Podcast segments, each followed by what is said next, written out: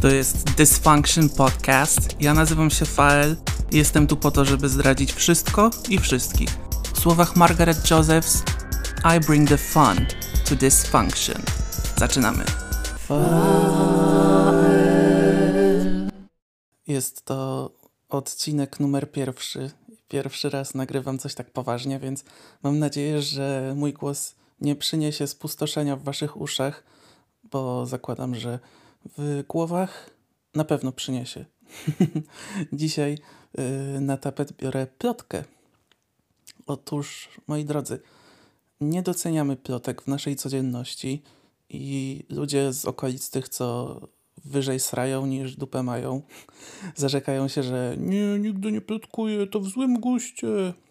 Well, tak i nie. Ja mam dzisiaj dla was trochę świeżej tea i cóż, zrobicie z tą chi, co będziecie chcieli. Możecie wylać ją lub się jej napić. Ja chcę tylko napomknąć, że wszystkie historie, które będę tu przytaczał, nie do końca może będę przytaczał je do szkalowania. Na pewno jest to jakiś element rozrywki, ale wolałbym bardziej, żebyśmy wszyscy na tym wzrastali, bo wszyscy popełniamy błędy, a dlaczego by o tych błędach nie powiedzieć Wam? Hmm, zgubiłem się w swoich notatkach, przepraszam Was bardzo. O, dobrze. Chciałem zacząć trochę rzeczowo i trochę się o tych plotkach dowiadywałem. Słuchajcie, one są nam naprawdę w życiu potrzebne. Plotka i problem to są dwie rzeczy, bez których człowiek by zginął. Mówię całkiem poważnie, bo plotkowanie i narzekanie stwarza specjalne poczucie jedności z drugą osobą. Wiecie, we're in this shit together. Jak znajdziecie kompana do narzekania, to automatycznie wszystkim razem jest lepiej. Wiadomo, że człowiek to jest istota stadna, dlatego kiedy to swoje stado do narzekania znajdziemy, to jest nam dobrze. Czas teraz na bardzo nieprzyjemny wake-up call. A nawiasem mówiąc, to miałem dzisiaj koszmary bardzo, bardzo niemiłe. I wstałem o 5.30, odpisałem na wiadomości na Instagramie, zasnąłem po raz drugi i miałem koszmary po raz drugi. to chyba kara za rozkręcanie thirsty i feisty podcastu, ale dobra, wake up call. Głupi, nieświadomi ludzie używają plotek do stworzenia iluzji, że są lepsi od tego, o kim mówią. Mam nadzieję, że jesteście już obudzeni i przyswoiliście tą informację, że ktoś w dupie był, gówno widział, ale to on zawsze wie lepiej i w ogóle on wszystko wie, a nikt inny nie. Chyba, że ci, którzy mają tak samo źle jak on, to wtedy sobie razem ponarzekają i poplotkują. Moim zdaniem najlepsza nauka to taka, którą otrzymujemy poprzez doświadczenia empiryczne i poniekąd słuchając różnych historii, tak jakbyśmy tego doświadczali, tak mi się wydaje. Zresztą tak też działa nasz umysł. Na ten temat też różne badania czytałem, przeprowadzone przez amerykańskich naukowców, mhm, których nikt nigdy nie widział.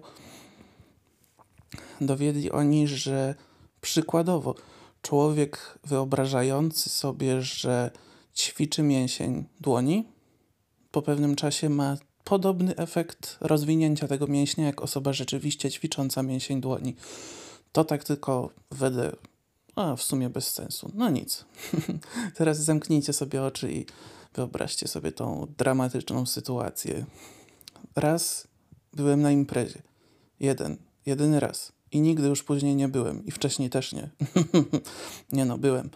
I ten jeden, jeden, jedyny raz była tam jedna z moich dawnych, dość bliskich koleżanek i bardzo się tego nie spodziewałem i bardzo mnie to ucieszyło i bardzo długo rozmawialiśmy, tak no, no wszystkim, czasem o niczym i opowiadała mi o jakiejś tam branżowej, żenującej sytuacji, w którą akurat byli zaangażowani ludzie, których znam, tak no wiecie, piąte przez dziesiąte, że czasami udajemy, że się nie znamy, a czasami udajemy, że się znamy. Zależy, kto ma jaki interes do koko. No i oczywiście wyraziłem zażenowanie tymi ludźmi. I ona poprosiła, że e, proszę cię, nie rozmawiaj z nim. Ja mówię, no dobra, spoko, ty piaro, i tak nie mam z nimi kontaktu, więc nawet bym nie myślał o tym, żeby w ogóle tą sytuację rozniecać jeszcze. No co ona powiedziała takim trochę lękliwym głosem? Jeny, ty to wygadasz, przecież ty wszystko wygadujesz. And I was like, no, you did not. Znaczy, no, nie zaprzeczam, że coś tam kiedyś mogłem jebnąć, czego nie powinienem. Ale no, my się, też, my się też trzymaliśmy w liceum. To był czas, kiedy każdy budował swoją pozycję, testował grunt, walczył o miejsce w szeregu. I szczerze to zrobiło mi się przykro, że ta koleżanka założyła, że nic a nic się od tego czasu nie zmieniłem, a trochę lat już minęło. Jakieś tam gówna na pewno mi z tamtego czasu zostały, ale wiecie, byłam taka trochę wściekła, że aż tak nisko zostałam oceniona. Zwłaszcza, że od razu w głowie porównywałem się do osoby, która też była na tej imprezie. I to tylko mogę opowiedzieć, opowiedzieć, że kiedy przyszła, witała się z wszystkimi, ode mnie uciekła. Dosłownie jakbym wydychał z nosa hifa i rzeżączkę. Akurat nie mam jej tego za złe, bo mm, chciałbym może, żeby było między nami odrobinę bardziej cywilizowanie, ale sam całą tą sytuację niecywilizowanie załatwiłem, więc niech jest jak jest. A do takiego stanu hmm, doprowadziła nas jedna niewinna rozmowa sprzed kilku lat. Wtedy bardzo się trzymaliśmy z tą dziewczyną, która teraz mnie unika jak ognia piekielnego. no i teraz czasami też właśnie tak gdzieś się je razem ocieramy niekomfortowo, bo całe życie w zasadzie wszyscy spędzamy w jednej takiej bańce, w jednym gronie. To jest dość hermetyczne grono. Mm, no wiadomo, ktoś wpadnie, ktoś wypadnie, ale na ogół jest to ta sama baza znajomych.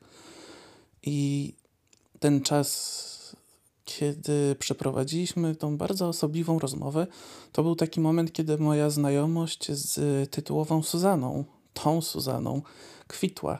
No i oczywiście wtedy jeszcze ja byłem dla niej miły, ona myślała, że ja jestem miły I, i byłyśmy sobą zafascynowane i wciąż się poznawałyśmy, wiecie, takie motylki w brzuchu początkowe.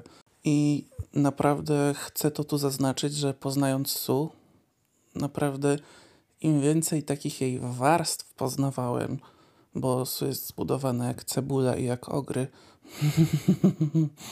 y, tym bardziej byłem pod wrażeniem jej zaradności, przedsiębiorczości, pracowitości, zwłaszcza no, w takim wieku, w jakim ją poznałem. Byłem dosłownie w szoku i traktowałem ją trochę tak, jakby była Jezusem i przyszła z zaświatów i opowiedziała mi o swoich dokonaniach. No i to wszystko, to wszystko zbudowało w tym czasie taki szacunek do niej we mnie, że naprawdę poczułem się mega odpowiedzialny za polerowanie takiej tabliczki wiszącej wszędzie na mieście z napisem Susanna, the self-made kobietka sukcesu. Dlatego, no, naprawdę w dużej ilości części mojego ciała zawrzało, kiedy gdzieś tam o tej Suzanie coś tam mówiliśmy z tą dziewczyną, no i nagle usłyszałem, że ej, a ta Suzana to ona ma kasę od rodziny, nie? Ej, a, a to mieszkanie Suzany to ono jest jakieś mega wypasione chyba. Ej, a ile Suzana płaci za to mieszkanie? Dużo chyba, nie? Bo ono jest jakieś wypasione. Ej, a to Suzany rodzina płaci jej za to wypasione mieszkanie, nie? W tamtym momencie naprawdę mnie to zagięło i uciąłem tą rozmowę szybko. Zmieniłem temat i byłem w szoku, ale kilka dni później dosłownie wybuchłem Napisałem jej, że nie chcę mieć z nią nic wspólnego.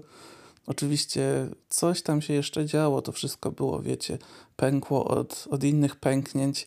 Nie była to jedyna rzecz, ale była to taka e, cherry on the iceberg. I może i też powinienem jakoś ładniej tą sytuację rozwiązać, być nieco łagodniejszy a chyba zaczynam być na mieście znany z, ze zrywania z ludźmi kontaktu w świetle kurwa fajerwerków. Ale no, zrobiłem jak zrobiłem. Uczę się i długo jeszcze będę się uczył postępować cywilizowanie, zwłaszcza kiedy jestem wystawiony na tak ciężkie próby. Natomiast z samego zakończenia tej relacji jestem tak czy siak zadowolony, nie żałuję tego, bo jakoś tak z czasem zacząłem łączyć wiele rozrzuconych puzli i zorientowałem się, w jakim młynie siedziałem. Do takiego stopnia, że, że zdarzało mi się dowiadywać, że moje słowa były dosłownie cytowane jakiejś randomowej koleżance na kurwa przystanku autobusowym na Oksywiu. Wiecie, ja nie jestem nikim ważnym na tym świecie. W sensie, wiecie, jestem ważny, wiecie o co chodzi. nie jestem po prostu y, żadną Jessica Mercedes, żeby taką mnie kurwa na Oksywiu plotkować. No i naprawdę zabiło mnie to, jakie rażenie mają słowa, zwłaszcza nacechowane negatywnie, zwłaszcza takie, które mają ocenić, które mają zbudować ciebie niszczeniem obrazu kogoś innego.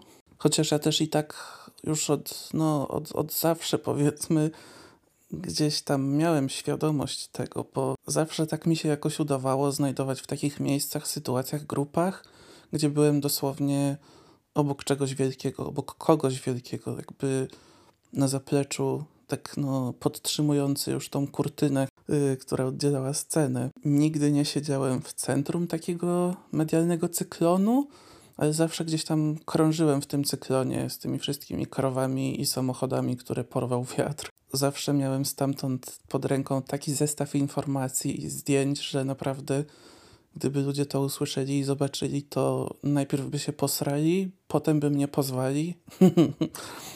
I ten podcast założyłem po to, żeby to wszystko wam wyjawić.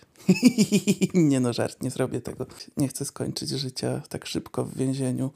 Jeszcze na to przyjdzie pora, ale jakieś plotki i głupie sytuacje na pewno będę wam tu sprzedawał.